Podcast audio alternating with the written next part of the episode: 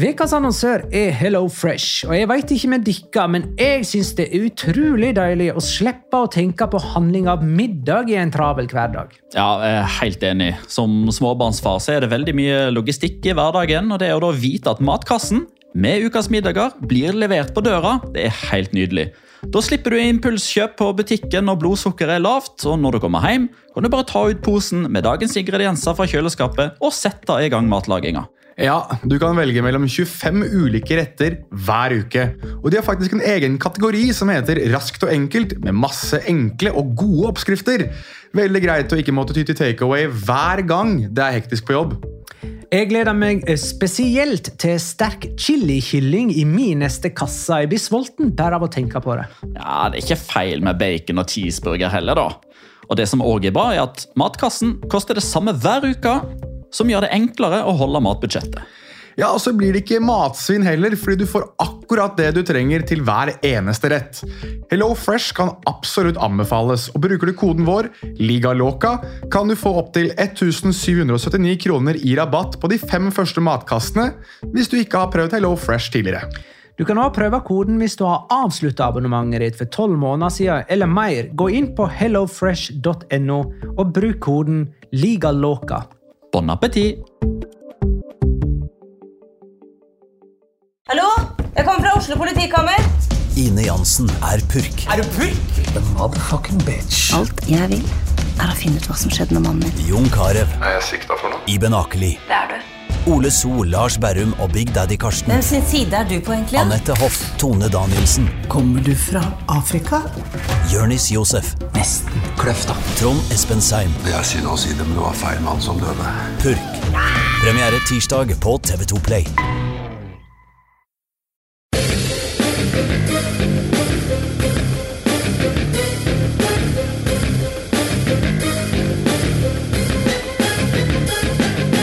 Har du sett? Topp fire-laget møtte hverandre, og det utgjør altså ingen forskjell. Tabelltoppen er akkurat slik nå som han var før helga.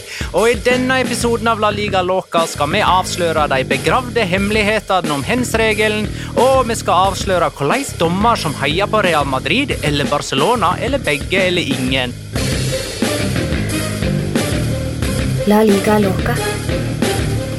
En litt gærnere fotball. Ja, ja, ja. Dette er La Liga Loca episode 164 med Jonas Giæver, hei. Shalom home. Petter Wæland, hei. Hallo! Og Magnar Kvalvik, hei. Halla, Magnar. Alle i Oslo sentrum i studioet til Moderne Media. Deilig, det, da. Hørtes ut som en juicy episode på G. Jøsi. Jøsi. Men det er rart, som sagt, like rart å se dere som det alltid er nå. Det tilhører sjeldenhetene. Dette er andre gangen i løpet av eh, 2021 jeg ser dere. Det er da 10. mai. Det er litt sånn rart, men samtidig veldig hyggelig. Ja. Og laug jeg eh, i innledningen Du var ikke helt enig der, nei? I innledningen skal vi egentlig snakke om hens-regelen, og skal vi snakke om dommere, og det kan hende vi blir tvinga til det på et eller annet vis. Ja. Vi eh, er ikke så nøyne på å følge opp eh, innledningen eh, når vi har kommet til innholdet i episoden. Det er ikke så viktig å, å eh, holde løftet for oss. Men det kan jo hende vi kommer til å grave litt i det. Ja, altså eh, hvis, Jeg legger merke til at det er flere og flere nå på Twitter-sfæren som har fått øynene opp for El Chiringuito nå. Så hvis eh, Ja, men det er mange som har det. Det så, måtte komme. ja, men, ja, men har, nå har det faktisk blitt litt stort òg. Sånn, altså, det er mange som liksom legger ut videoer at nå har det klikka helt i Spania og sånn igjen. De eh, får så mye oppmerksomhet nå at jeg tror det kommer til å bre om seg med den, den typen konsept. Det kommer til å, flere kommer til å prøve det ut i ulike land for å se om det kan bli like populært. Deriblant i Norge. Ja, ja, ja. Nei, men Skal vi kanskje slutte episoden og starte med en ny businessidé her, folkens? Jo, men altså, jo, men altså tenk da. Altså, jeg husker ikke hvem det var, men det var jo noe som hadde retusjert inn ansiktet til Jon Børrestad istedenfor Pedre Rolland og sitte og gnir seg i hendene. Nå, nå skal det debatteres. Altså, jeg hadde sett på, for å si det sånn. Jeg hadde sett på. Fins det Kanskje en mer sjølforherligende programleder i- enn han? Er det Pedre Roll han heter? Ja, det er det han heter. Ja, Ja. jeg digger når han sitter der med den bakovergredde sleiken sin og, og sleiker sine egne lepper og gnir seg i hendene. Til den pompøse dramamusikken. Har ikke han regien nå på dette? Jo han, er, han er sjefen, ja. Det er han. Han er, han er programleder, har, har regi og er produsent. Og bildemikser. Mm. Er det noe du har lyst til å dele med oss, Jonas? Du virker Eh, veldig gira. Har det ja. skjedd noe stort Ja, vi eh, kan- mens vi sitter i studio? Vi kan ta, ja, det har skjedd noe litt stort, men vi kan ta det etterpå. Det er ikke, det er ikke sånn at Vi, vi skal inn på temaet uansett, så vi snakker Jeg vet vi gjet- Ok, så du, du holder den varm. Jeg holder den varm. Det er en eh, cliffhanger. Jeg syns det er ganske stor, i hvert fall. Uh, vi, skal innom, vi skal innom det etterpå, så vi tar Ja. det etterpå. Eh, Jonas ser et eller annet på telefonen sin. Ja, nei, nå er jeg, skikkelig, skikkelig gira. Jeg trodde ikke jeg skulle få svar på det jeg stilte spørsmål om her nå, til den personen jeg stilte spørsmål til, så jeg er veldig overraska at jeg fikk svar. Ok, Så ja. Eh, da snakker vi fotball. eh, Vi er ferdig med El Gitt og sånt. Ja, for denne ja. gangen eh, kan, ja, Med mindre Jonas nå har fått svar på en tekstmelding han har sett, sendt til Peder Roll, da. Så. Nei, jeg har sendt eh, spørsmål til en som står ganske høyere over han i det spanske fotballhierarkiet. Har fått svar. Så gå videre, du. Det var to poeng mellom topp tre og seks poeng mellom topp fire før denne runden, og slik er det fremdeles. Det er tre seriekamper igjen å spille. Runde 35, kamp for kamp, ser slik ut. Det starta med Real Sociedad Elche 2-0. Elche fikk Raúl Guti utvist etter 11 minutter, og én time senere skåra Real Sociedad ved Aritz Elustondo og deretter Mikkel Oyarzabal. Eh, Elche ser ikke ut til å klare å mobilisere en sluttspurt. De ligger nest sist med 30 poeng. Hey, morofakta fra Pedrito Numeros her. Pablo Piatti spilte sin La Liga-kamp nummer 300.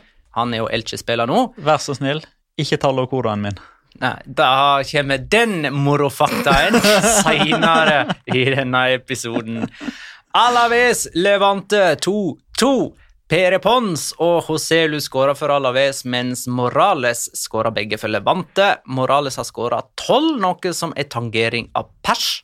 Han kan med andre ord ha sin beste sesong i en alder av 33. Eh, Barcelona Atletico Madrid 0-0. Eh, Det er nå 15 år siden sist Atletico vant på kamp nå. Dette var første gang disse to lagene spilte 0-0 i en seriekamp på kamp nå siden 1973. Det var òg i fjerde siste runde, og Atletico Madrid vant La Liga. Eh, Dette kunne se ut som et eh, ugunstig resultat for begge lag, men Atletico kom godt ut av det, viste det seg til slutt. Mer om det senere. Cádiz Uesca 2-1. Alle tre mål i løpet av siste fire minutter før pause. Av og til så er det verdt å vite på forhånd hvilken del av kampen man kan nøye seg med å se. Eh, Disse to lagene rykker jo opp fra Segunda til denne sesongen. Cádiz, som ble nummer to forrige sesong i Segunda, altså, har nå sikra primæraplassen, mens Uesca, som ble nummer én, ligger på 18.-plass, poenget fra trygg grunn. Ja, jeg, gjetter på at ikke du skal snakke noe mer om den kampen her. Eh, og da vil jeg bare få sagt det. Så har jeg, har jeg lagt meg høvelig til lags også denne episoden mens jeg er i studio med dere. Rafa Mir er en bedre spiss enn Alvaro Morata. Ben Jarson spør hvor hen spiller Rafa Mir neste sesong. Han spiller ikke i Wesca. Uh, jeg, skal jeg være supporter for en gangs skyld, så får jeg nesten si at eh, Gud som jeg håper at han spiller i Valencia. Herregud, for en spiss han er. Han ja, er Sånn så at han bra. kan bli en ny Maxi Gomez. Ja, Veldig godt poeng, Magnar. Det er, uh, men jeg, heller enn Simone Sasa, i så fall. Som jeg fortsatt mener er ekstremt undervurdert i, uh, oh, i nå, nå kom jeg på en litt moro like. Når hadde Valencia sist en, en spiss som faktisk leverte? Rodrigo, uh, Sasa Det, det ble nei. Mener vi ikke at Rodrigo leverte for Valencia? Nei. Ikke som spiss og som målskårer. Sånn, altså, Det ble jo hallelujastemning når han nådde tosifra den ene Cassel, gangen. liksom. Ja, Roberto Soldado, da, kanskje? Ja, må tilbake. Er vi helt tilbake til Emeri-tiden, liksom? Ja, Ja, det er jo ikke det er før etter Emeri. ja, Er det noen jeg tenker Etter David Villa så er det bare Roberto Soldado. Ja, det er vel det. Nicolas Sigic, da. Ja, det er lov Altså, Paco Alcácer Ja, jo eh, hadde en antydning. Han var oppe på 13 en sesong. Ja. Jeg Eh, føler vi glemmer noen, ass. Med, Valencia-spisser. Roberto Soldado med 24 i 12-13 er forrige som har vært oppe og egentlig vært i nærheten av sånne tall. Paolo Piatti. Mer om Pablo Piatti senere. Nei, det tror jeg ikke vi skal noen gang snakke Jo, om. det skal vi i Locoran! Å, herregud. Hvor var vi nå? var på- Vi, vi var på Rodrigo Moreno. Eh, Vi var egentlig på Cádiz Uesca. Altså, Rodrigo Moreno han skåret to mål på 25 kamper han i 15-16. Nei, ikke Han, den han, han, sesongen. hadde- han hadde 16 mål i 17-18. Ja, du kan godt drite han ut den ene sesongen, men han hadde faktisk en dritbra sesong der òg. Men Soldado er den forrige som har vært over 20. Ok, greit. Ok, så Fair. eh, Vi fraråder Rafa Mir å gå til Valencia. Ja. Men skal jeg svare seriøst på Men det? det hadde vært kjempekult om han eh, ble med Raúl de Tomàs i Español, eh, som Ja. kommer opp uh, nå. Skal jeg, skal jeg ta en, en seriøs klubb som jeg tror han har passet perfekt til, sånn som de spiller? Betis. Jeg kunne sett for meg eh, han spiller veldig bra i Sånn at det kan bli en ny Borja Iglesias. Ja. kan, Er det ingen Ikke noe lag Ok, ja, Real Madrid, da. Vær så god. Ja. Celta, Celta Vigo. Nei, det er sant i Mina. Han skårer to mål hver kamp. han. I hvert fall Hver gang han skårer, så skårer han to mål, nesten. Virker det som. Ja, kunne ikke han ha passa egentlig i Atletico Madrid? Altså, Hvor lenge skal de sitte med Luis Suárez? Ja, Han har jo gått, vært utgått på dato de siste fem åra, han, så det Men eh, eh, ettersom vi diskuterer Rafa Mir, eh, tar vi nesten for gitt at Uesca ikke klarer seg, for det spør òg Ben Jorsen. Jeg er litt usikker på om vi uttaler det navnet der riktig, men uh, han spør om OS skal klare seg, da. ja. Jeg synes det er et fryktelig vanskelig Ja. spørsmål å spå er- den nedrykksstriden. Fordi det er, det er ingen som har et liksom klart, enklest kampprogram. Nei. Det er derimot ett lag som har et klart vanskeligere kampprogram, Ja. og det er Valladolid. Ja.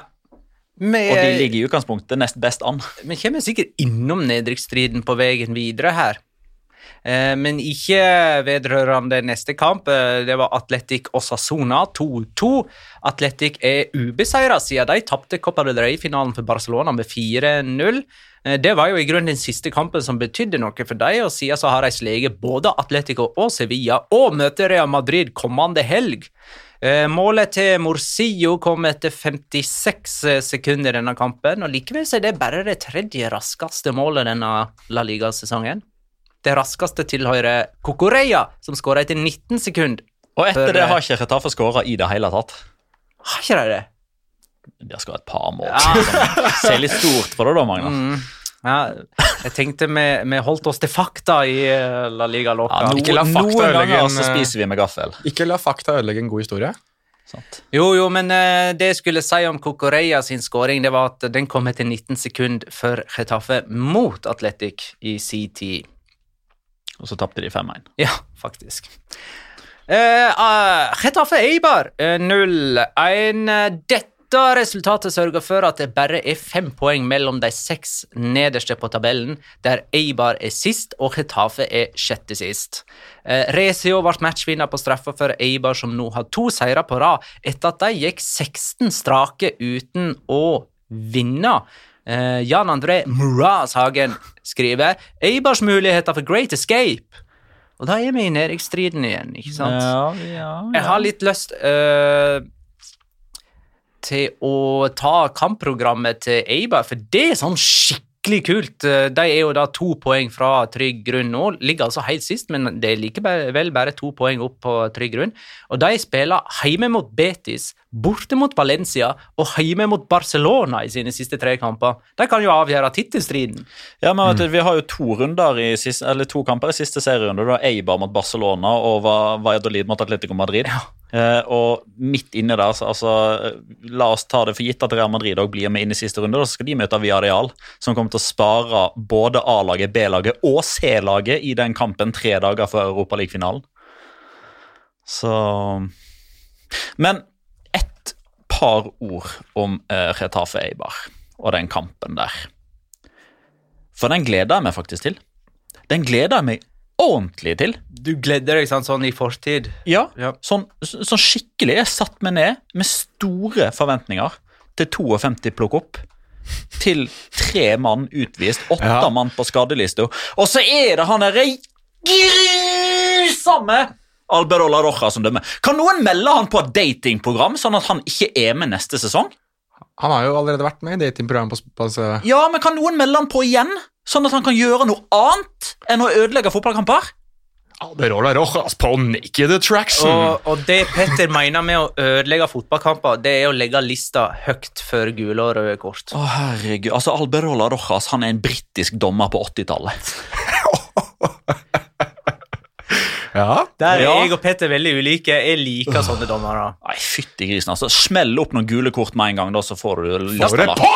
Da blir de bare liggende hele kampen, alle De ble sammen. jo liggende skal- hele denne kampen òg, og måtte ut med skade. Gené brakk nesten nakken! Ja, men det er jo mye bedre med reelle skader enn fake skader. Nei, det er det faktisk ikke.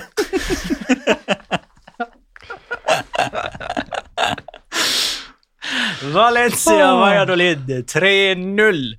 Eh, Voro er en magiker som både får Valencia til å vinne og Maxi Gomez til å skåre. Han hadde ikke skåra siden januar, og plutselig så skåra han to. Og det har ikke han gjort siden eh, september 2019, faktisk. Valencia er på tredjeplass, men med Våro si stødige hånd tar de helt sikkert tolvteplassen eh, til slutt. De er bare to poeng bak eh, den. Valladolid er nummer 17 poeng over nedrykk og med ni strake uten seier. Det er deres verste periode under eh, Sergio. Der har vi liksom et lag i fritt fall. Det, eh, jeg ser liksom ingen håp. Det er bare Nei, jeg har jo prøvd å hinte frampå før om at uh, kanskje Ronaldo skal drite i at den uh, sextapen eller hva det er for noe som Sergio Gonzales sitter på, la den lekke, så holder du i alle fall klubben din i primæra Divisjon. Et eller annet der er det jo som gjør at han ikke tør å gi den mannen fyken. Eh, Valencia topper Våro-tabellen. Etter at Våro ble ansatt, så er Valencia nummer én i La Liga. med bedre målforskjell enn alle Ja, alle andre som har tatt tre poeng. som vant med tre mål. Husker du, husker du jeg sa for et par år siden, eller var vel i fjor jeg sa det, om at da Abelardo tok over Spanjol, så skulle de vinne ligaen? Nå har det, Endelig så går det troll i år. Villarreal, Celta Vigo 2-4. Dette blir en lang episode hvis vi skal snakke om den kampen her i detalj. La Ceramica er favorittarenaen til Celta Vigo, som har vunnet her de siste tre gangene de har vært på besøk. Her fikk tre spillere rødt kort, men bare én som faktisk spilte. Uh, Jan, nei, det er ikke Jan André Muraz Hagen sitt spørsmål, det er Jørgen Baumann Håvik. Hva i alle dager skjedde i kampen mellom Celta Vigo og Villarreal? Og jeg er litt spent på det sjøl, for jeg satt og forberedte meg til kampen som skulle gå etterpå, så jeg fikk ikke helt sett den her. da. Ja, Da gikk det glipp av noe, for å si det sånn. Jeg har sett den i, i fastfilm, i hvert fall, men uh, det var en liten sånn Ja, jeg måtte inn i sakte film for å få med meg hva som skjedde en gang iblant. Ja. Ja, nei, men uh, Tre straffespark ble det i alle fall. Villarreal sine kamper har nå produsert 22 straffespark. Det er flest, Ja. sant? En- Eh, de har fått 13, og så har de 9 imot. En, en annen ting denne kampen har produsert, som er liksom litt sånn Du vet at det er det er liksom litt sånn La Liga-luft, liksom, når du, når du ser Ramiro Fones Mori stå og banke ballen til helvete over mål fra sånn to Han tok meter. en Tor André Flo, han. Altså, har en fotballspiller fått til så mye av en karriere med så lite talent som det Ramiro Fones Mori har? Altså, men, nå spør jeg Jeg har helt mye med han, men er han god på noe? Sånn helt seriøst, er det én ekstremkvalitet han har? Han, har vært, han er god i luftrommet. Ok, jeg kan være med på det. Luftrommet. Ja. Er det et rom der, egentlig? Det er rom der oppe. Det er litt sånn flødig. Vel, veldig sånn, Jeg er enig, det er veldig sånn flosklete. Jeg er enig, Men ok, han er god i lufta. Altså, han er, Skaper han, luftrom? Ja, Benzema på bakken og Ramine Forensmår i lufta. Nei, men altså, sånn oppriktig talt, jeg klarer ikke å pinpointe én ting han er god på. Ja. Nei, Jeg, jeg, og det er helt seriøst nå. Han ser ut som fotballspiller. Han gjør det. Ja. Trent. Og han er dritdårlig. Sånn har jeg fått uh, blåst ut om Ramine Forensmår. Ja. Men eh, hva var det som egentlig Det var mye sånn her, eh, videodømmingssituasjoner Ja. som skapte masse tumult, eller? Ja, Uh, vi, vi kan jo ta det steg for steg. Ah, Jo da, vi, vi tar det steg for steg. greit. Fordi her må vi henge med, her må vi henge med i svingene. Mange bare Greit. Ja. Uh, altså På, på 0-1 så får jo dommer beskjed om at han må ut og se på, på, på monitor. Eh, og så står han på avgjørelsen. Eh, det var den første VAR-situasjonen. Mano Trigeros, altså, han blir, altså Foten hans blir fysisk holdt igjen av Nolito, som gjør at han ikke får klarert. Og Celta Vigo overtar ballen. Men skåringa står. Det var den første VAR-situasjonen. Eh, og så blåser han i utgangspunktet et straffespark som jeg syns er veldig bra. Jeg er fan av sånne type avgjørelser. hvis de er rette. For han blåser straffespark for det han mener er en utboksing, typ slag, av eh, Sergio Asenjo, som eh, da angivelig skal treffe Ogo Mayo i hodet. Men det er jo ikke det som skjer, det er en ren kollisjon. Det er to stykker som hopper inn i en duell eh, om ball, som til slutt ikke blir om ball, fordi stopperen som er rett i forkant av eh, duellen, header den unna. Så ballen er plutselig ikke der, de hopper i hverandre, og det blir Ok, så det var ikke et slag. Nei, det var ikke et slag. Det var altså skulder mot hodet. Så han dømte, dømte straffe, men det ble omgjort. Nei, det ble ikke omgjort. Nei, Han måtte heller ikke ut og se på det, Det på, var på Det var ikke opplagt nok, da. Nei, ikke opplagt nok. Ja. Uh, og uh, så, så er det jo den største situasjonen som han feiltolker, det er at han gir jo direkte rødt kort for noe som ser ut som en stygg takling, men som jo knapt er en takling i det hele tatt. Altså Nestor Araujo går jo inn på en måte som gjør at det ser jo ut som han har tenkt å ta livet av stakkars Jeremy Pino, men han er jo ikke borti Jeremy Pino før Jeremy Pino løper inn i han når han ligger på bakken. Eh, og den, den sprinten som Medie Jimenez har bort til neste år når han gir rødt kort. Det, altså han hadde tracka opp i 36-37 km i timen. Uh, og jeg, jeg hørte på Santiago Canizade, som var ekspertkommentator på Movistar Pluss på den kampen. her, og Han sier dommeren er gal! Dommeren er gal! Se på blikket! Se på blikket til Medie Jimenez! Han har bestemt seg lenge før han har landa! Hadde han sagt hvis han hadde vært på, eh, på østlandsdialekt. Og får jo selvfølgelig beskjed om at nå må du ut igjen. Nå skal jeg redde deg, kjære Medie Jimenez. Du kan få lov til å se den på monitor, og så endrer han til gult kort. Eh, og så på overtid av første omgangen eh, så dømmer han frispark når det skal være straffe, og får jo da naturligvis beskjed om det. Og eh, på vei inn i garderoben så flakker han opp to røde kort til to Viareal-innbyttere, Geronimo Rulli og Mario Gaspar, og skal visstnok da ha sagt på vei inn i garderoben Vær intelligente, jeg skyter ikke med å vise ut alle sammen. Det har han fått enorm kritikk for i, i etterkant. Og I andre omgang roa han seg litt ned, men han sendte ut Facundo Ferreiro med to gule i løpet av ti minutter, og måtte ut og se på monitor for å gi straffe til Viareal, som ga to. Fire. Eh, vi er alle klare for sin første finale i klubbhistorien. Eh, De, de, de slo faktisk ut til Arsenal, eh, Petter. Ja, det er vel hvor mange dager Er det tre dager motstanderlaget har på å levere en protest? Og så skal vel dette gjerne da Skal det gå en dag eller to før de får svaret, skal det ankes? Jeg, nei, eh, jeg gir det noen dager tillegg før en sånn eventuell administrativ feil har kasta de ut av den finalen. Kan man si at Emery endelig tok en stor skalp etter at han sjøl har bidratt til å gjøre Arsenal så små? Nei, han ødela jo for seg sjøl der. Det er ikke en stor skalp. Den likte jeg. Eh, skal vi snakke om Europaliga-finalen, eller skal vi vente til den tid Nei, kommer? vi venter til Hvilken episode er dette? 164? Fire? Ja, vi tar det innom 166. Ok. Eh, men uh, Harry Maguire er ute, eller? Til finalen? Ja, det virker som han i hvert fall har et overtråkk som gjør at han uh, i hvert fall er tvilsom. Og så har jo Manchester United nå vel fire kamper på syv dager eller noe Det sånt. vel? Kommer Så er- vel kanskje en skade eller to der òg. Ja, det er det jeg skulle fram til. At det fort er vel noen muskelskader som kan uh, Men det de fire kampene som er på åtte dager, Er ikke det det? åtte dager, kanskje. det kanskje? Jeg lurer på om det er sånn. Inkluderer det Europaligafinalen, eller er det Nei, bare nei. innspurten på er Premier League med utsatt Liverpool-kamp og Utsatt Liverpool-kamp, og så har de vel en annen utsatt kamp imellom der, tror jeg også, som gjør at de må spille en ekstra, en ekstra match. Det er jo kamper som blir flytta på bakgrunn av utbrudd osv. Så, videre. så de har jo da de matchene, og så er det åpenbart den der, som du sier, den Liverpool-kampen som de da bare plasserte midt inni der istedenfor, etter at den ble, den ble utsatt grunnet protester. Greit. eh, Gerard Moreno, tidenes beste straffeskytter i en og samme La Liga-sesong. Ja, ja. Ti av ti. Ti av ti. 100% Veldig bra. Så vet vi jo hvem som bommer på straffe i Europaligafinalen. Men uh, ja. Men da spiller han spiss for Spania i EM 2020, da. Ja, Han går ut med skade i Europaligafinalen. Okay. Ok. Etter- EM 2020? Han får, han får strekk i tida. Ja, heter ikke det, da? Gjør det tror det? heter EM 2020, selv om det er Ja. Det er fortsatt slogan. altså Logoen er 2020, og ja da. ok, okay ja, nei. dette, dette angrer ikke Jonas med på. Nei, jeg gjorde ikke det! Jeg ble satt ut, jeg nå. Beklager. Sorry. Nei, Eh, men For å spore tilbake da, Gerard Moreno han, han skyter på seg strekk når han sender straffen i stolpen. i Så nei, han spiller ikke EM 2020 i 2021. Da får han familieplassen hans, da. Det er greit, det. Real Madrid, Sevilla 2-2. Jeg er fremdeles helt overbevist om at Real Madrid vant denne kampen 3-2, ettersom Karim Benzema skåra etter 11 minutter. Men jeg får bare forholde meg til alle kamprapporter jeg har lest etterpå. Det Hanka deg bra inn da, Magnar. 2-2 Den var for elegant. Ja. Da følte jeg meg litt alene. N- man kan av, kan tenke meg av og til som dommer når man uh, liksom har leta et eller annet passere, og det er liksom 70 000-80 000 tilskuere på, på tribuner som er i harnisk over at dommeren klarte å overse et eller annet, og spillere og trenere likeså, og dommeren bare går der og tenker Hva var det jeg ikke så nå? Hva, hva er det jeg har gått glipp av her nå?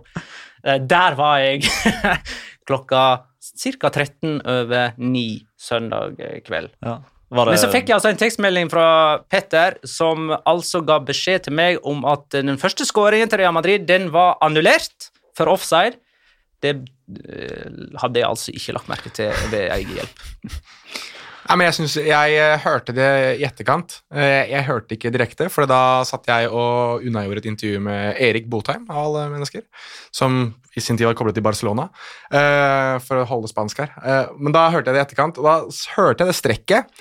Men jeg syns, jeg, jeg syns det var elegant måten du hanket deg selv inn på. At det var sånn Nei, vet du hva. Man må redde situasjonen. Ja, ja det var bra, det. Det var damage control. Veldig bra. Uh, Sevilla leder to ganger her. Uh, Real Madrid utligna begge ganger, og dermed så er altså ståa den samme i toppen som før denne runden. Og dermed så ble jo 0-0 på kamp nå et godt resultat for Atletico Madrid, som har dette i egne hender akkurat nå. Vi har ikke snakka om Real Betis Granada, fordi at den er ikke spilt mens vi sitter i studio. La oss begynne med eh, Barcelona Atletico når vi tar ting litt nærmere i øyesyn. Um, Hvor vil du starte? Ja, hvor hen skal vi starte? Barcelona med ett poeng på fire oppgjør mot Real Madrid og Atletico. Summerer vel opp deres sesong. Og egentlig det som har vært vårt ankepunkt mot dem gjennom hele sesongen. Ja, tapte jo over to kamper mot PSG, tapte over to kamper mot Juventus. Nei, ikke begge de to. Tapte over to kamper. Ja, sånn, ja. Typ sammenlagt og røyk ut. Ja, men ja, det var i gruppespillet, og de mista da topplasseringen i gruppa Ja, med det Juventus. heime 3-0 heimetapet mot Juventus. Ja. Så de har jo på ikke bare liksom uh, feila i disse storkampene, men det er jo gjerne i sånne nøkkelkamper, når de virkelig har muligheten til å ta, få overtaket. Da taper de òg hjemme mot Granada, liksom. Ja, og der ligger jo det som er fortsatt eh, ankepunktet mot, eh, mot Koman, da, som jo har reparert ganske altså, sånn Apropos eh, damage control. eh, altså Koman har jo vært flink til å reparere de feilene han gjorde i, i begynnelsen, men det som gjenstår, er jo, det er jo primært to ting nå. Eh, eller tre ting, da. Eh, det er jo eh, altså taktikkeri bytter underveis. Jeg syns ikke hvor man er flink til å endre kampbildet. Jeg syns ikke de har altså Resultatene jo, taler jo for seg sjøl. Det er jo ikke godt nok i toppkampene. Det er der de ryker ut av Champions League, det er der de taper La Liga. Eh, men på de andre tingene så har han jo blitt eh, ganske flink. da, altså Formasjonsendringer er jo den liksom, åpenbare årsaken til at de gikk fra å få en Um, en tilsynelatende katastrofal sesong til å få en sesong der de i alle fall henger med da, i La Liga med tre runder igjen. Men var de litt feige i denne kampen her? Jeg vet ikke. Men altså. Det er jo risikovurderingen risikovurdering der òg, da. Ja, det er ja. klart, altså, Taper det- de denne kampen, så er de jo helt ute. sant? Så, Men var de, de var ikke gode. Jeg orker ikke å spørre om de var gode, jeg bare konstaterer. Jeg ja, et, etter pause så var de ganske gode. Jeg syns Atletico Madrid var fantastiske i første omgang. Jeg er enig. Etter pause syns jeg Barcelona var litt bedre, eh, men om det var fordi Atletico Madrid ble slitne, eh, eller om det var fordi Barcelona liksom trykka på de riktige knappene, eller Messi plutselig bestemte seg, det, det Ja, men Kan du ikke heller bare ta og si at med Atletico Madrid kan du si at de var gode, de, men jeg kan ikke huske siste gang jeg så Janne Carrasco så god som han var i den kampen her. Han var altså så god. Når du snakker om det å bestemme seg Han skulle bare leke seg med det Barcelona-forsvaret gang etter gang. etter gang Han, han dansa jo forbi dem. Innlegg, skudd, alt som Altså, han var jo et angrep alene. Jeg kan ikke huske sist gang han har vært så god, altså. Det var én gang han ikke klarte å ta seg forbi motstanderen. Og det var Messi, når han Mm. eh, Men- måtte reparere sin egen feilslåtte Det virka som han gikk trøtt, da. Carasco. Ja. Altså, han har jo hele den sida. Han er jo wingback når Ja. plutselig skal springe over hele den sida, og han gjør jo det i større grad enn Trippier på motsatt. Ja. Ja, altså han, får, han får jo mer kreativ frihet sånn sett, men jeg syns bare han var i den kampen her, var han så god. Altså, jeg, jeg kan ikke Altså, Carrasco er liksom egentlig aldri veldig veldig dårlig, syns jeg. Altså Han er veldig sånn midt på tre i de aller fleste kampene, og så er han noen ganger så glimter han til og er så god, men det skjer kanskje én eller to ganger i løpet av en sesong. Ganske imponerende at du velger kamp på kamp nå, da, og holder på sånn som det der. så ble han noen matchvinner i omvendt oppgjør òg. det ble han. Det gjorde han. Eh, men var Atletico egentlig litt feige, sånn, eh, spesielt mot slutten av kampen? Eh, for da kunne de ha kontra inn et mål, og så virka det som at når det liksom var igjen 15 minutter, så hadde de bestemt seg for at ok, 0-0 er bra, vi går for det. Og når de kontringsmulighetene da kom, så bare Nei, drit òg. Simione skjønte det, vet du, at eh, Sevilla kom til å gjøre den tjeneste dagen derpå, så han gadd ikke å kjøre på. Nei, jeg vet ikke, altså jeg syns men er, ikke, men er ikke det noe som har vært et ankepunkt mot Atletico Madrid i ganske mange år, da? At de blir feige mot slutten av kamper hvor de enten kan styre inn et, et, et Altså at de får et poeng i de store oppgjørene, eller at de blir såpass feige med 1-0 at de legger seg bakpå og egentlig bare lar motstanderen gjøre som de vil eh, de siste 15-20. Altså jeg syns det har vært historien til Atletico Madrid egentlig siden Simione tok over. Ja, han tør ikke se de andre kampene eh, for øvrig, altså de kampene som involverer andre tittelkandidater. Så uh, da Real Madrid og Sevilla møttes søndag kveld, skulle han ha middag med familien. Og Koman uh, sa visstnok uh, i dag at han hadde sett de første 25 minuttene av Real Madrid Sevilla, og så switcha han til Juventus Milan.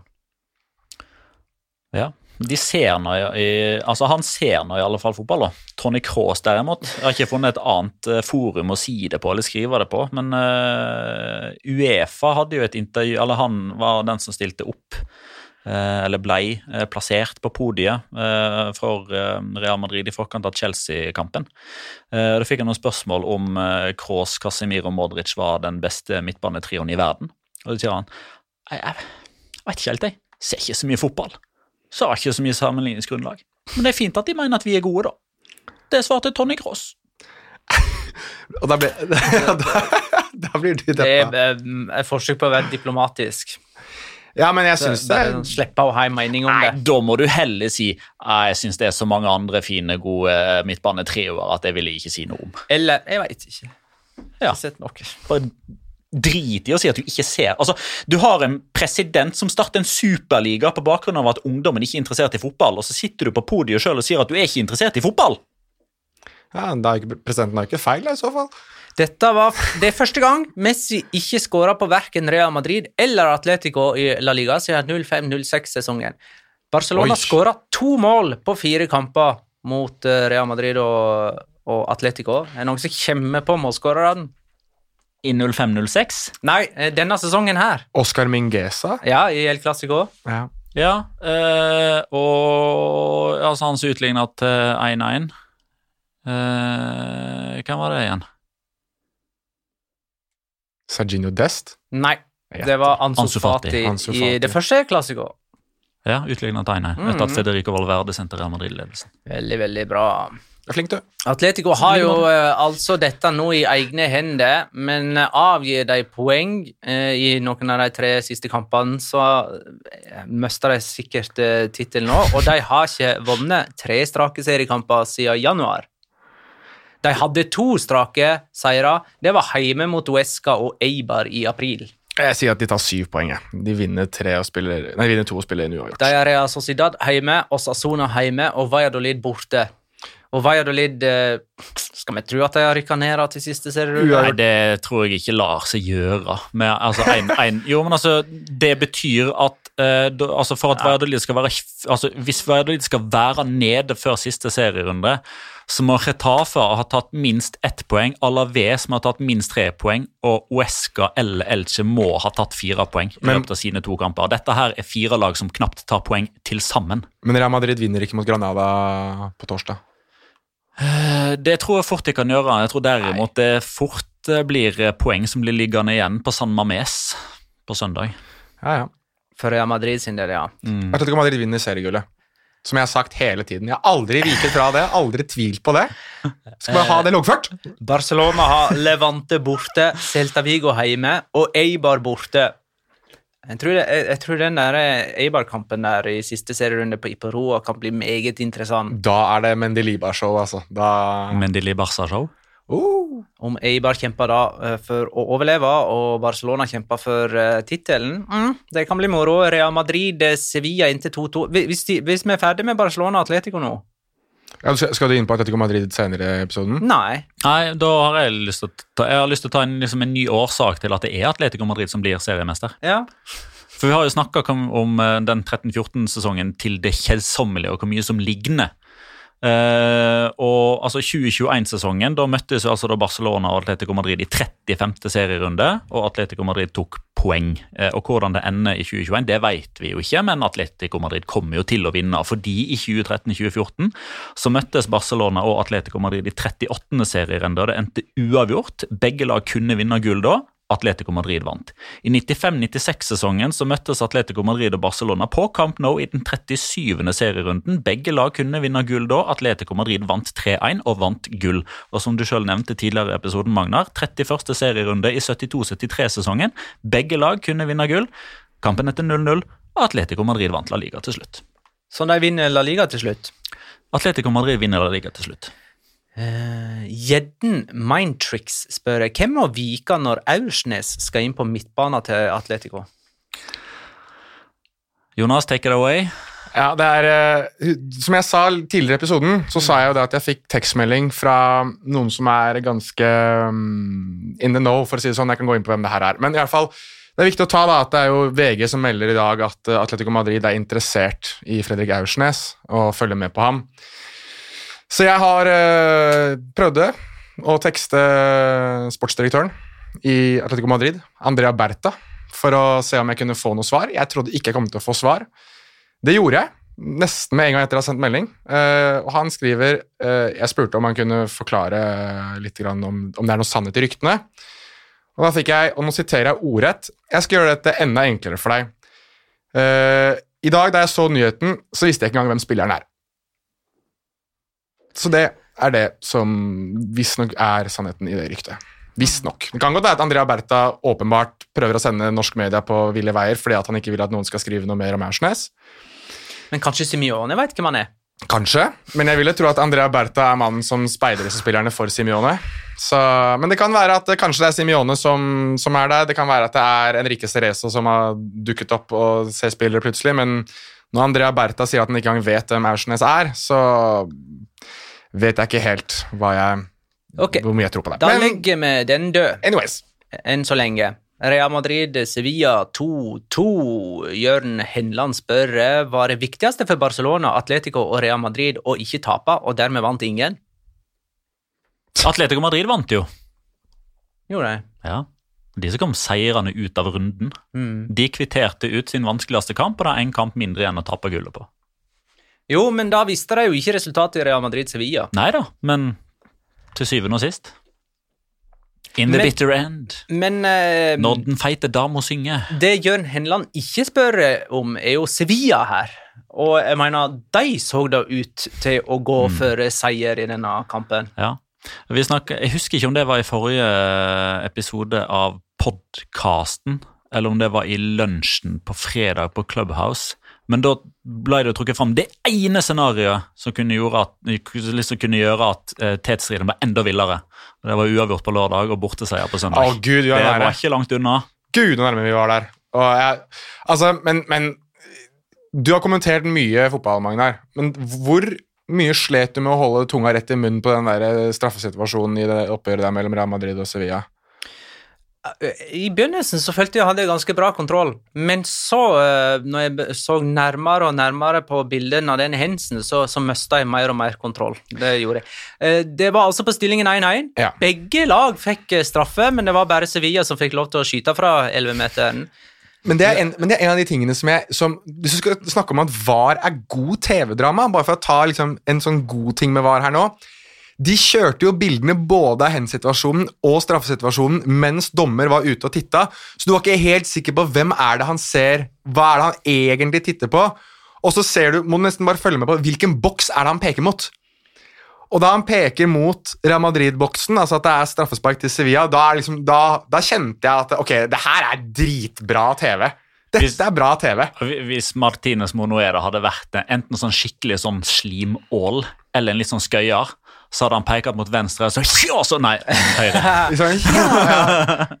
Det hadde vært ganske moro. Eh, på stillingen 1-1 så hadde Sevilla altså en corner. En ba ballen var innom ei hånd. Det kunne man på en måte se, men det var ikke så kjempeopplagt hvem si hånd ballen først var innom, og det ble ikke dømt noe. og eh, Real Madrid kontra, og Benzema ble felt av Bono og fikk straffe. Og så eh, måtte man da ha tunga rett i munnen om den hen-situasjonen som skjedde sekundene før, og det ble ble dømt hens på Militao. Det som på en måte forvirra meg litt eh, med den hens-situasjonen, var om kanskje Diego Carlos hadde vært borti ballen med hånda først. Og så så det òg ut som at eh, ballen hadde vært innom skuldra til Militao før ballen spratt i hånda på han, og der er det òg noen formuleringer i regelverket som fikk mye oppmerksomhet på sosiale medier etterpå. Og i El Chiringuito. Ja, spesielt der, da, sikkert. Ja. Nei, men altså, det jeg, altså, Veldig mange av de som eh, nå jobber som dommereksperter i Marka og AS og på disse eh, radiostasjonene, eh, de aller fleste mener at det ikke da skal være en straffbar hens pga. at den er borti skuldra til Militao, fordi det da står i regelverket at det ikke er straffbar hands dersom det er en såkalt rebote, altså en retningsforandring i egen kropp først. Sånn som f.eks. hvis du skyter ballen opp i egen arm. Ja. Da er ikke det Men, hens men, men, da, men da er det liksom ingen tvil. Eh, fordi her er det jo da ei skulder. Eh, og hvis man da eh, dette, husker, Det var ikke han, det er ikke Itoraldo Gonzales, men en annen tidligere toppdommer som ikke husker navnet på nå, dessverre. Han sier at det Martinez Monoeda kan ha vurdert her, er at den skuldra er aktiv, ergo så er det bare en hens som går inn i en ny hens. Uh, Ut ifra hvordan man tolker et regelverk, og om det skal være straffbar eller ikke. straffbar hens. Inception hens, hens i en hens i en Hansi Flick. Metahens. Med Ja. Eh, men eh, ja, nei, altså, og så- blir det jo det blir jo så eh, ekstra dramatisk da når Real Madrid da går opp på kontre og, eh, og egentlig da får straffespark. og Mm. Hadde det straffesparket stått, så skulle vel Bona vært utvist òg, fordi det er ikke noe ærlig forsøk på å ta ball der. Det er, altså, ballen er langt forbi og han bare kløpper ned Benzema. Eh, og hvis det da ikke hadde blitt 1-2, men 2-1, så hadde jo plutselig Real Madrid stått med 77 poeng i stedet og vært serieleder. Så det, det, den får jo så enormt med oppmerksomhet. Andreas Svae skriver Jeg orker ikke mer av hens-regelen. Og nå har han fått litt mer om hens-regelen, da. Eh, og det slo meg, er egentlig hens-regelen altså sånn helt eh, Hvis man tenker over det, er han så mye mer komplisert enn alle andre regler? Jeg syns ikke det. Eh, Og, Og jeg etter, etter, etter, jo, men jeg, altså, jeg etterspør et alternativ. Og, og det går med det, det går også med de som har innvendinger mot offside, mot 12 cm feilmargin, mot ett frame feil stopp i bildet, med skal gå offensivt lag i favør og må være mellomrom, må være luft mellom Finn et alternativ som er bedre, så skal jeg være den første til, til å ligge på alle fire og slikke deg på tærne for at du fant på det, men det er ingen som har et alternativ som er bedre. Men og er ikke det egentlig like vanskelig med alle andre regler? Det, altså, jeg mener, det er ikke lov å holde i trøya til en motstander, men folk gjør det likevel, og så har man en sånn herre Uh, ja, Man holder viss lenge, og man holder viss hardt, og det, det er litt sånn situasjonsbetinget. Altså, noen ganger så, så syns vi det at eh, noen hold- holder noen i trøya, det, det skal ikke straffes. Og det samme med fellinger. Det er alltid grenser der òg. Ta i samme kampen. Um, det var et innlegg, et Real Madrid-innlegg, antagelig fra Marcelo. Og så kom Bono ut og tok eh, ballen, og bak han så sklei Sevilla-spiller Oscar Rodriguez. Han mista fotfestet, sklei inn i Casemiro og maia ned innenfor 16 meter. Et uhell, selvfølgelig, men er ikke det felling? Er ikke det straffespark, liksom? Og da blir det sånn en tanke med at det er jo situasjonsbetinga. Eh, Den duellen var jo ikke avgjørende uansett, ballen kom jo aldri fram dit. Og blir ikke det akkurat det samme med hens-regelen, at man må alltid ta disse vurderingene? Jeg Er, synes du har et er det så mye vanskeligere den enn alle andre situasjoner? Det har i hvert fall blitt ekstremt populært å hevde at hens-regelen er uh, uforståelig. Det går nesten litt sport i det, eller hva syns du, Jonas? Jeg har sagt før, jeg sier det jeg, Sånn som Petter sier, altså, det er godt sport i det, men nå skal jeg i hvert fall si at jeg har sagt det ganske lenge. da. Jeg skjønner ikke regelen, egentlig. Egentlig, Ja, jeg, gidder, jeg gidder ikke å uttale meg om det, for jeg, jeg, jeg skjønner ikke regelen. Altså, men er det så mye annet du skjønner av den her? Altså, nei, men jeg snakker for meg sjøl, og det, jeg har jo like mange Altså like mye problem med mange andre situasjoner som Ja. jeg har med hens-situasjoner. jo, men, men hens-regelen er såpass er, er På et sett så skal det være en form for objektivitet, men det skal være en subjektivitet innad objektiviteten i det òg. Ja, Men det er det jo på alt annet òg. Jo, men her blir det så veldig, for du baserer hvor på armen er det, hvor aktiv er armen, hvor stopper den spillet altså Det er alle mulige Hvor strak er foten, hvor hard er taklinga, treffer du ball først eller ikke? Sånn er det jo på alt. Ja, kanskje, men jeg syns det, det er ganske mer tydelig det at hvis du eh, hvor, du hvor treffpunktet er i en takling, for eksempel, da, hvis du da med eh, knottene treffer akillesen på en spiller, så syns jeg bakfra så synes jeg det er åpenbart, selv om du prøver å ta ballen Du treffer feil, men du er utvist, liksom. Se hvor du treffer, se hva du driver med. Jeg tror, jeg tror kanskje det er to ting som gjør hens-greia så spesiell. Det ene er at eh, man blir enormt straffa for en liten uskyldig ting uh, hvis man får den ballen. Det er en annen ting, ja. Og det, og det er at med en, med en liten uskyldig hens, så gjør du på en måte ikke noe mot en annen spiller. Du, du, du gjør ikke noe harme mot noen. Det er ingen som får liksom. vondt av en får, du gjør ikke noen vondt. Så det er en uskyldig greie i utgangspunktet som man blir veldig hardt straffa for. Og det andre er at akkurat på hens så har man blitt veldig rigid. Altså All den holdningen og all den dyttingen, den ser man liksom mellom fingrene med. Men hensen, den skal man ta, liksom. Ja, det er et godt poeng. Jeg er veldig enig med deg. Men jeg, men jeg går tilbake til det jeg sa bare for måte avsluttet mitt resonnement på det. Altså, Jeg har gitt det opp, jeg. Altså, jeg, jeg jeg, Ok, hvis det er hens, og det ikke er hens Jeg gidder ikke å mene noe om det lenger. Altså, jeg, jeg, når jeg ser det, så er det sånn Det må være hens. Altså, det er, ok, det er ikke hens? Nei, ok. Greit, men da kan jeg kan ikke regelen uansett, så la oss Altså, Før så var det veldig mye mer Synes jeg det var enkelt å manøvrere regelen. I det at det var det aktiv arm, hvor langt ut av armen fra kroppen, alle de tingene. Syns de tingene var forholdsvis enkle å, å forholde seg til.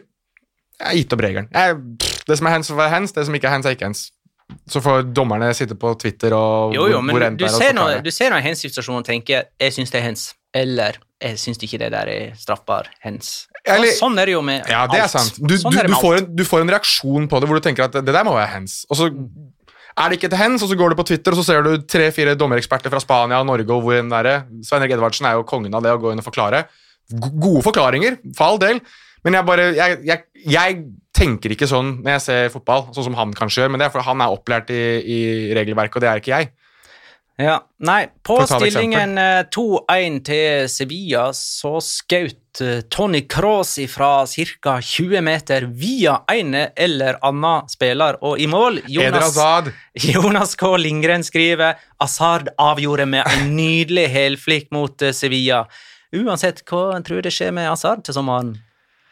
Nei, altså Han var jo avskilta han etter, eh, disse, etter at han feira Chelsea-avansement på Stamford Bridge. Eh, Det ble ikke tatt godt mot, eh, for å si det sånn. Og da er det jo liksom helt riktig. Altså Det er helt sånn, det er helt tidsriktig. Det er helt situasjonsriktig. Det er helt sånn Locora-riktig at den som holder Real Madrid inne i gullkampen nå, driter i at han ikke mente det. Men faktum er at hadde ikke Edna Hazard vært borti den ballen, så hadde han sannsynligvis gått utenfor. Morbo. Ja, det kan du godt kalle det. Ja. Så Eden Hazard holder Real Madrid inn i gullkampen. Men nei, hva skjer med han til sommeren? Altså, Han legger vel i hvert fall på seg et par kilo. Det er vel jeg pleier å gjøre. Sånn. Jeg har ferie, da gjør jeg som jeg vil. Hasardiøst kosthold. Ja, det er vel det, det, det som kommer til å være første. Altså, jeg regner med at han Han blir vel for dyr. Litt sånn som Gareth Bale ble for dyr. Jeg, jeg syns det er vanskelig å diskutere overganger nå, for jeg skjønner ikke hvem som skal ha råd til å betale hva for noe. Og liksom, kan Real Madrid tillate seg å selge en, en spiller for halve prisen de kjøpte han? Men altså, de må vel kanskje òg, pga. den finansielle situasjonen de er i. Det er jo en, en lønnspost de kan kvitte seg med. Og, Jo, men, men for- til sammenligning, da. Ta Gareth Bale, som de brukte haugevis år på å få fjerna. Ta Barcelona med Coutinho. Det er liksom men det har ikke fjerna Gareth Bale. Han kommer tilbake, han er ferdig med Tottenham, han nå. Det blir Bale, Benzema, Azad. My point exactly. August 2021. BBH. Uh... HBH. Ja, BBH, ja. Eller Tre første tegnene ja. på tippekupongen. det. BHB. Borte, borte, hjemme. Um, da er det faktisk mer interessant å snakke om uh, det Sindre Suppellen vil at vi skal snakke om. Noen tanker rundt Sergio Ramos? Er han ute resten av sesongen? Uh, så blir vel uh, fort den begredelige kampen mot Chelsea hans siste i Real Madrid-trøya. Ja. Skal ikke se bort ifra det, altså. La merke til at han var kjapt ute med noen gratulasjoner til Neymar, eh, som signerte en ny kontrakt med PSG. Det var noen som påpekte det. Og han eh, hadde plutselig begynt å følge åtte-ni forskjellige PSG-spillere på Instagram her for noen dager siden. La jeg merke til at AS skrev en sak om. Ja. Men hadde han faktisk begynt å følge deg? Ja, eller? ja, eh, ja, han hadde det. Jeg gikk inn og sjekka sjøl. Det var ikke noe, eh, var ikke noe fake news, det. Eh, Men det er klart, det er jo litt sånn Hva skal Sergio Ramos gjøre, da? Sitte skada, må være inne i ei boble. Kjede seg kanskje lite grann. Er ikke mer opptak til dokumentaren. Den har ikke, den har ikke premiere før Skal vi røre litt i gryta, da? Follow, follow, follow. follow. han var jævlig gøy hvis han begynte å følge sånn 8-9 Elche-spillere bare fordi. Hvorfor ikke? Bare sånn sjokkovergang, liksom. Ja. Begynner å følge David Beckham med Inter Miami. og litt Ja, sånn. å ja, å. Og masse sånne no name-spillere fra Inter Miami som ingen vet hvem er. Og Gonzalo Higuain. All right. Eh, det var det om eh, Sergio Ramos, da. Eh, skal vi gi Sevilla en tommel opp for deres sesong? Jeg syns jo de med denne kampen To. her viser seg verdige To. en tittel, To tomler opp. tittelkamp denne sesongen. Eh, for at de stabiliserer seg i toppen Jeg mener, akkurat sånn som det ser ut nå Ok, så er ikke de med å liksom danne en av de fire store, liksom, men sånn som utsikten er nå, så, så virker det som det, det er topp fire-lag i, i flere år framover. Ja. Men kjenner vi Sevilla litt for dårlig da? Ja, men eh, det er derfor jeg er spent med, i likhet med som, som Jonas påpeker, og som veldig mange andre også har påpekt før oss, at det overgangsmarkedet som kommer nå, kommer sannsynligvis til å være ganske daft fordi det er færre penger i omløp. Rett og slett fordi fotballen blør, eh, med tanke på at eh, At det ikke blir superlig? På grunn av at alle setene på alle stadioner står tomme.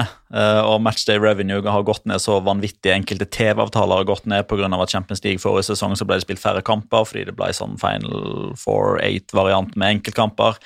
Eh, så det er færre penger i omløp, og i tillegg så er det jo sånn det er jo gjerne litt sånn, altså det, det er jo alltid forhandlinger her. Det er kjøpende klubb som vil betale så lite som mulig, og så er det selgende klubb som vil ha så mye som mulig. Og Så møtes de til forhandlinger, enten face to face eller via mellommenn og via WhatsApp og fax og you name it. Og til syvende og sist ser du den ene parten som gjerne slipper opp litt bare for å få dette gjennom, og da er det som oftest kjøpende klubb som tenker greit, vi tar den risikoen med de ti millioner ekstra euroene. Den kommer til å sitte veldig mye lenger inne nå. Og det gjør jo at en selgende klubb som Sevilla kanskje da ikke har beilere nok som kommer og banker på døra og henter Jules Condé denne sommeren. Som gjør at han faktisk blir en sesong til. Som gjør at Lopeteg i stedet for å alltid måtte finne en erstatter for en nøkkelspiller, nå faktisk kan bygge videre. I løpet av en sommer, i løpet av en ny sesongoppkjøring. Det hadde jeg gledet meg til å se, i hvert fall hva han kan få ut av en sånn situasjon. Ok. Eh, vi kan jo nevne til slutt her at Real Madrid altså møter Granada borte. Det er Kristi himmelfartsdag. Og så er det Atletic borte òg på søndag. Og så eh, er det Villarreal hjemme eh, 23. mai. Eh, I alle fall er det foreløpig dato. Det er i så fall tre dager før Europaligafinalen, så der vi jo Det er ikke en foreløpig dato, det er datoen. Er det, er det bekrefta? Sånn bekrefta, bekrefta? Søndag, søndag. 16. og 23. Det, jo, men de kan jo begynne å rokere om, de. Jo, men La det Liga. er ingen sjanse i havet for at det er kamper der som ikke har betydning. Å, så deilig! Det er de ubetydningsløse kampene som vi så til for å flyttes ut. tenk liksom endelig, eh, og, eh, som kommentator, å vite hvilken dag jeg faktisk skal jobbe på. Eh, Men eh, bare en siste ting som jeg har notert der, som jeg har lyst til å bare ta med som en faktor i gullkampen. Eh, og det er jo, altså Hvis vi tenker på skadesituasjonen, så er det Real Madrid som kommer dårligst ut. Åpenbart fordi de har Ramos ute, men de har vært skada, det er ikke fit, og det er Carvajal ute, og Lucas Vaskes ute osv. Mest sannsynlig når vi går av nå, så kommer det til å ha en, ny skade. som Det kom en kommunikadofficial. Odriozola og Marcelo gikk jo begge sånn halvveis skada av banen i går. Eh, Men når det gjelder potensielle karantener, der er Real Madrid home free. De har ingen som er i faresonen. Det er ingen som står på fire eller ni. Så det skal veldig mye til at med mindre man får utvisninger, at man mister spillere. Derimot Atletico Madrid, Kahoke, Saul, Thomas LeMar, Mario Amoso og Stefan Savic er ett kort unna. Ja. I Barcelona, Oscar Mingueza, og så hør Jedda Piquet, Ja. Antoine Griezmann, Jordi Alba, Frenkie de Jong og Lionel Messi. Jeg skal akkurat si Messi er vel der. Messi har hatt fire gule i snart tre og et halvt år nå, så det er vel liten sjanse for at han pådrar seg noe, men det er en faktor. Vi kårer hundspiller. Petter. Ja. Eh, Det er en spiller som eh, Jeg tror han er nevnt i podkasten vår eh, som nå er tre år og ti måneder. Den er nevnt én gang. Ja, Og det var ca. for en halvtime siden når du nevnte at han skåra. Rezio. ja det, men det er en annen ting vi må inn, inn på han etterpå. Han er jo fra Malaga, Arne stedet til denne podkasten. Ja, ja. Det var en, det var en ting jeg skulle si, men jeg skulle også til å si at han må vel sette en form for rekord her hvis han rykker ned, for da har han rykket ned med tre ulike lag. Han er Spanias Stian Or. Ja, Er det det du er ute etter? ja jeg bare skulle ta med det. Han har rykket ned med Malaga, rykket ned med Leganes og kan rykke ned med Huesca. Eibar. Ja, Eibar, sorry, Ja. herregud. Ja. Eh, men nå blir det jo kanskje ikke nedrykk da, fordi han viste at han hadde baller. Uh, gå fram og ta dette straffesparket, som òg var en hens. Som òg kom etter VAR, som òg var rett før slutt. Eh, og grunnen til at jeg syns at han har eh, baller, er jo at Eibar sin straffestatistikk har jo vært et tema eh, jeg over hele fotballinteresserte verden, eh, etter at Marko Dimitrovic på et tidspunkt gikk fram og først skåra, og så bomma. De har jo hatt seks forskjellige straffeskyttere nå, de har fem forskjellige som har bomma. De har den desidert dårligste straffestatistikken av alle lag i Europa de siste tre sesongene. Og så får de da sjansen etter 89 minutter. Skårer de, så kan de holde seg i La Liga. Det, altså, det sto jo bom skrevet i både øyne og ræv på Rezio når han sto klar til å ta den straffen der. Kom inn. Eh, Han har nesten ikke spilt denne sesongen. Han har nesten flere gule kort enn minutter på banen i løpet av denne sesongen, men han tar den, og han skårer. Og det syns jeg han skal ha honnør for. Eh, apropos eh, antall nedrykk og sånne ting, eh, så har jeg eh, Victor Rodriguez i Elche. Han har rykka ned med Real Saragossa. Elche pga. økonomiske årsaker. Getafe og Sporting Gijon. Og nå er han i Elche igjen og kan rykke ned. Eh, Dette er hans femte sesong i La Liga, og han har rykka ned i samtlige fire foregående. Den er fin! Det er nesten så du burde Det vente ligger an til å bli en sånn årets locora. Ja, du må nesten vente med den, for det hadde vært locoraen din, det der, men uh... Ja. Nei, jeg har ikke tålmodighet. Har ikke nok is i magen. Måtte svi han av nå. det er grei. Eh, Andreplass på runden spillerlista, Ivan Rakitic, som kanskje ikke har levert helt på det nivået Sevilla hadde håpa da de signerte han fra Barcelona, men da han eh, spilte en potensielt avgjørende kamp mot Real Madrid og fikk litt av den der El Clásico-følelsen tilbake, da leverte han både målgivende og en iskald straffeskåring i sluttminuttene. Da viste han både eleganse og ro, verdig en veteran på hans eh, nivå. Banas beste, spør du meg, i Real Madrid-Sevilla. Men runden spiller da, Jonas. Ja, vi var inne på Valencia-spisser som ikke skårer mål, og han her har jo ikke gjort eh, skår, Har ikke skåret masse mål for Valencia, men eh, Maxi Gomez viste at de to målene han hadde denne serierunden her mot, mot Valladolid, det er eh, gull verdt, holdt jeg på å si. Det er det jo ikke, for Valencia ligger på 13.-plass, men det er i hvert fall eh, fornyet uh, sesong i La Liga verdig, tror jeg. Nå er det, med den seieren der, 3-0 hjemme mot, uh, mot Valladolid, så er det Ni poeng ned til Westca på første nedrykksplass, og Valencia kan vel så si vel eh, smile bredest nå.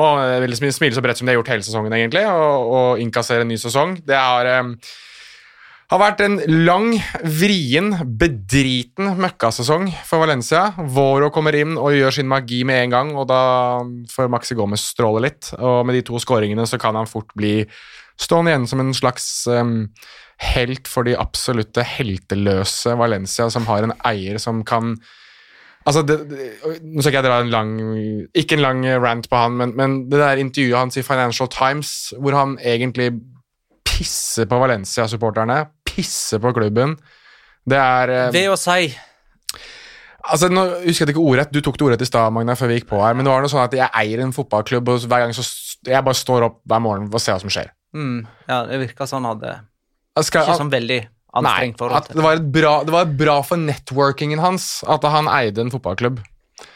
Og ja, nei, altså det var um... Jo, Han sa vel også at på en sånn Uefa-tilstelning så var han der jo sammen med oljemenn og arabiske sjeiker, og det var liksom veldig bra for businessen. da. Ja, så det var um... Kunne menga seg med piffen, han. Ja, altså. basically. Men uh, ja, ikke la han overskygge det at det faktisk var en positiv uke for Valencia sin del for en gangs skyld, med både protester i gatene og propagandafotball på banen.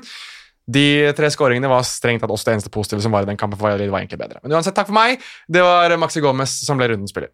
Da er det tid for Locora! Ukens La Liga Locura. Locura. Locura. Locura. La Liga Locura. Jeg leste bønna bønner i dag.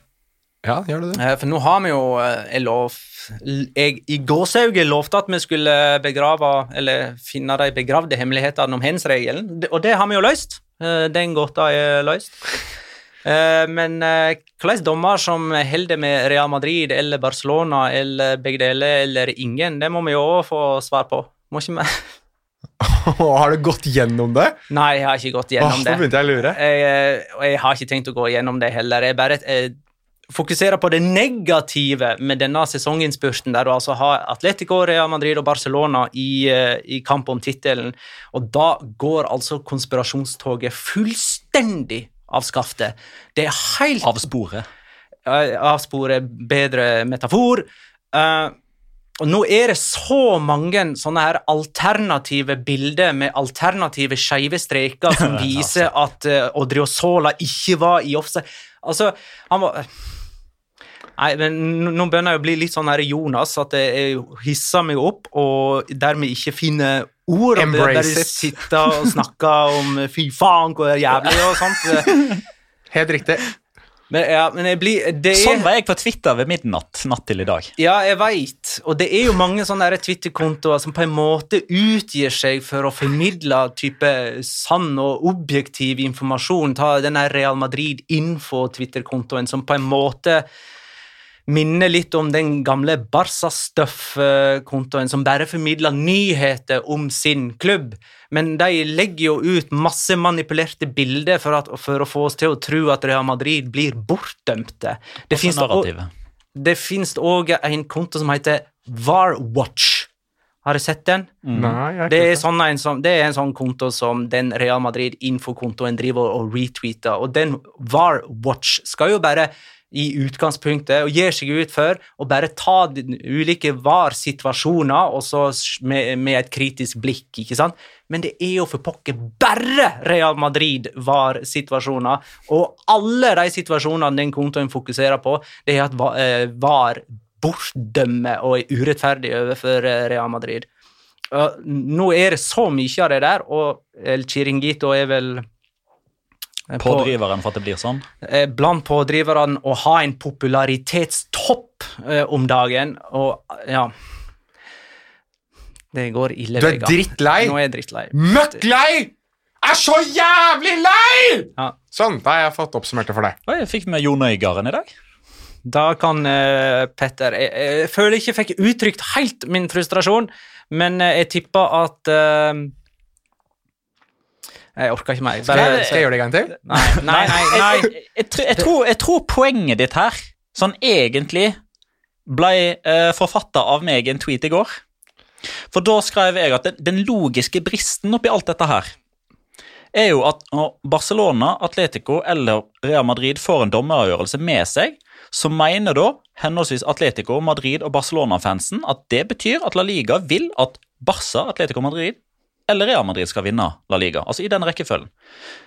Får derimot Barcelona, Atletico Madrid eller Real Madrid en avgjørelse mot seg, da mener de samme Barcelona, Atletico og Real Madrid-fansen at La Liga vil at Real Madrid, Atletico Madrid og Barcelona ikke skal vinne La Liga.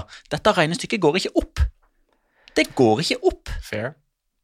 Regnestykket går ikke opp. Kan jeg bare få sagt én ting da, som, som jeg egentlig er litt glad for? Bare sånn, eh, Jeg har sagt det privat til veldig mange, men jeg har bare sagt det så alle har hørt det. Jeg syns det er så litt gøy at vi sitter her tre stykker som er glad i La Liga, og ingen av oss heier på noen av de lagene der. Altså, Du er Villarreal-sporter, Petter. Magnar av Sevilla, og jeg er Valencia. Å sitte og se på det der, det er, det er, er som å sitte og se på en landsby brenne ned hver eneste gang. Jeg husker jeg, når vi var i, eh, når vi, var, i- eh, vi alle tre, når vi var i Madrid for, Det var vel nest for, eller forrige gang eh, før den siste gangen vi var ute og reiste på, på tur Ja. eh, sammen. Nest siste gang. Nest siste gang. Da hadde jo vi en middag, en bedre middag, den siste kvelden. Ja. Da satt eh, alle til bords, eh, og så reiste vi opp. eh, vi reiste oss opp én og én og holdt tale. Ja.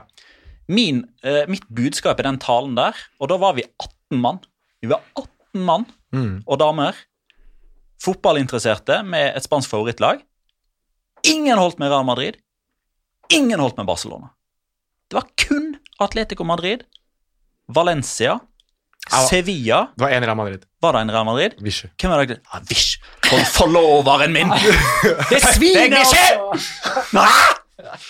Det var én, det var én Real Real Madrid-supporter. Selvfølgelig var Vishu der. Men da kan jeg ta min locora veldig kjapt. Fordi, Men, uh, ja, men det har med Real Madrid å gjøre. ja, okay. Ja, Det var veldig kjapt, for jeg syns det var veldig gøy. Eh, og mens jeg er inne på forbannelse, en som var uttrykt at han var fly forbanna Apropos var. Apropos var og apropos forbanna. Uh, Zinedine Zidane sto jo i intervju med Movistar etter eh, kampen og smilte og lo og sa at eh, jeg er så, jeg er så forbanna, jeg. Og så spurte, så spurte, spurte han reporteren ja, men du står jo og smiler. Ja, jeg smiler, jeg, men jeg er så forbanna, jeg. og jeg har aldri sett et menneske stå og glise så mye og samtidig være så sint som det Zidane var. Um, så jeg er litt sånn, jeg lurer på uh, hvordan Zidane da er når han er veldig glad. Um, om det er bare sånn fullstendig uh, Nei, da skal han ned folk. Ja, ja. Enten sier han sindig, eller så bare Kanskje han slutta? Det er kanskje et godt poeng. Kanskje han bare ikke klarte å bli sintere enn det han ble på Marco Materazzi i 2006? Kanskje Ja. det liksom var toppen? Det var toppen. Ja. Eh, min og Nå eh, skulle det jo egentlig være en oppgave til dere begge, da. Men nå har jo du, Magnar, avslørt at dette vet du svaret på. Men eh, Jonas, Ja. hva har disse her til felles? Gonzalo Arconada, Hugo Sanchez, Juan Malillo, José Luis Oltra, Roberto Olabe, Unai Emeri, Mauricio Pellegrino, Voro, Ernesto Valverde, Miroslav Djukic, Juan Antonio Pizzi, Nuno Espirito Santo, Gary Neville, Paco Ayestaran, Kike Sanchez Flores, David Gallego, Rubi, Pablo Machin, Abelardo og Fran Escriba. Hva har de til felles? Var- I tillegg til det åpenbare at de er fotballtrenere. Jeg skulle akkurat si at de har alle blitt sparket fra Valencia, for det var ganske mange der som det, den eh, eh, haugen i midten der har blitt det. Ja eh, Magnar tok det i stad. Var du inne på det? Mm. Ja. Jeg, jeg, de har blitt sparka på et eller annet tidspunkt. De har tapt, de har eh, eller Alle sammen har trent én spesifikk spiller i La Liga. Jeg skulle inn på en morofakta fra Pedrito Numeros, og så ble jeg avbrutt av Petter. De har alle trent én spesifikk spiller i La Liga. Én spiller har blitt trent av alle de trenerne der. Oi, den var Nei, det vet jeg ikke. Enkelt og greit. Jeg, jeg vet ikke. Pablo Piatti. Den er, den er sterk. Den er veldig sterk.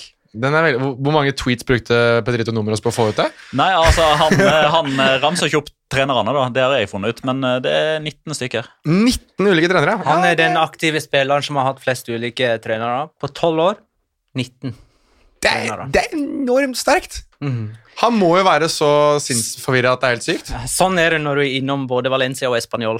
Men da vet, jeg, ja, men, men da vet jeg at noen ganger så når, når fotball altså tidligere fotballspillere blir fotballtrenere, så får du også spørsmål ja, hvem har du latt deg inspirere av. Tenk deg avhandlinga til Pablo Piatti, da. Altså, nei, altså, det- ja, altså Abelardo var jo liksom flink på det. Da hadde du våre Jeg lærte ingenting av Gary Neville og Paco Estadan var jo helt krise. Men altså, Unai Emery og Juan Mario, der plukka jeg med meg det der. Det verste er at det intervjuet der kommer til å komme, og han kommer til å si at «Nei, jeg lærte ikke så mye av noen. Ja. For det ville være sannheten. Det hadde i så fall bare vært Piatti. Vi skal tippe. Eh, Forrige kamp var Barcelona mot Atletico. Der hadde jeg 2-1 med Antoine Griezmann som første målskårer. Det ble altså 0-0, så jeg fikk eh, null poeng der. Jeg står med 27. Petter hadde 1-1 med Jorente som første målskårer. Det gir ett poeng for å ha U-en, eh, og det, dermed så har du 26. Jonas hadde 1-1. Hvorfor tok ikke du 0-0 denne gangen, da? Fordi jeg trodde ikke det var garantert denne gangen. Nei, ett poeng på deg, da. Du har tolv. Neste kamp har jeg bestemt er Atletic Klubb mot Real Madrid søndag klokka 18.30. Jeg har 1, 2 og Casemiro. Jeg har Nå har jeg allerede sagt at jeg tror at jeg avgir poeng, da. Eh, jeg tror ikke Atletic vinner. Det gjør det ikke. 1-1 eller 2-2. Eh, det blir 1-1. Eh, og den første målskåreren, det blir Alex Berenger. Ja. Uh, Athletics sin toppskårer. Jonas. Nå må vi tilbake igjen på toget. Vi må tilbake igjen på toget. Det blir en 0-0 garantert! Da er vi i mål med denne episoden. Den rakk vi akkurat eh, rett før eh, runde nummer 36 skulle sparkes eh, i gang. Mm, tusen takk for alle spørsmål og innspill vi har fått til denne episoden, og tusen takk for at du lytta, kjære lytter. Ha det, da!